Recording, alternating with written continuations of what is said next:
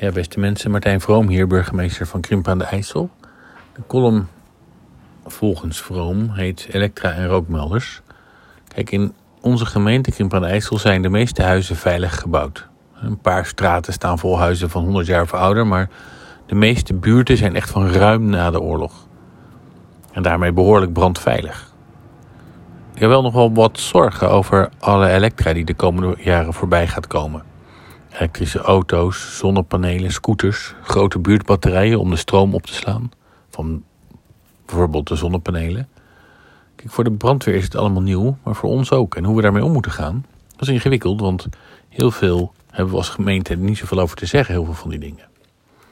Dus daar moeten we het nog goed over hebben, onder andere bij de omgevingswet. Kijk, wat je zelf natuurlijk kan doen is zorgen dat de bedrading in je huis goed op orde is. Dat is niet bij iedereen het geval, maar ook dat de laadpaal niet rommelig is aangelegd. En ja, echt, ik zie echt hele riskante knutselacties af en toe. Maar ja, wat moet je ermee? Mensen die een verlengsnoer op een verlengsnoer zetten en dat dan in een auto prikken. Nou, echt voel maar eens hoe heet dat wordt. Iets anders wat we zelf kunnen doen is natuurlijk een rookmelder ophangen. Het gaat om brandveiligheid. Sinds 1 juli is het verplicht. Maar zeg nou eerlijk, heeft u er al een paar opgehangen? Misschien u wel, maar de buren, nou... Kijk, qua wonen, dat is onze woningbouwcorporatie. Die is heel hard bezig om te voldoen aan de wet. Maar vraag ook eens aan uw moeder of een oude buurman of daar er al één of meerdere hangen. Ze zijn niet zo duur en ze zijn echt niet zo heel moeilijk om op te hangen. En het kan zomaar iemand zijn leven schelen hè? als je op tijd wakker wordt bij brand.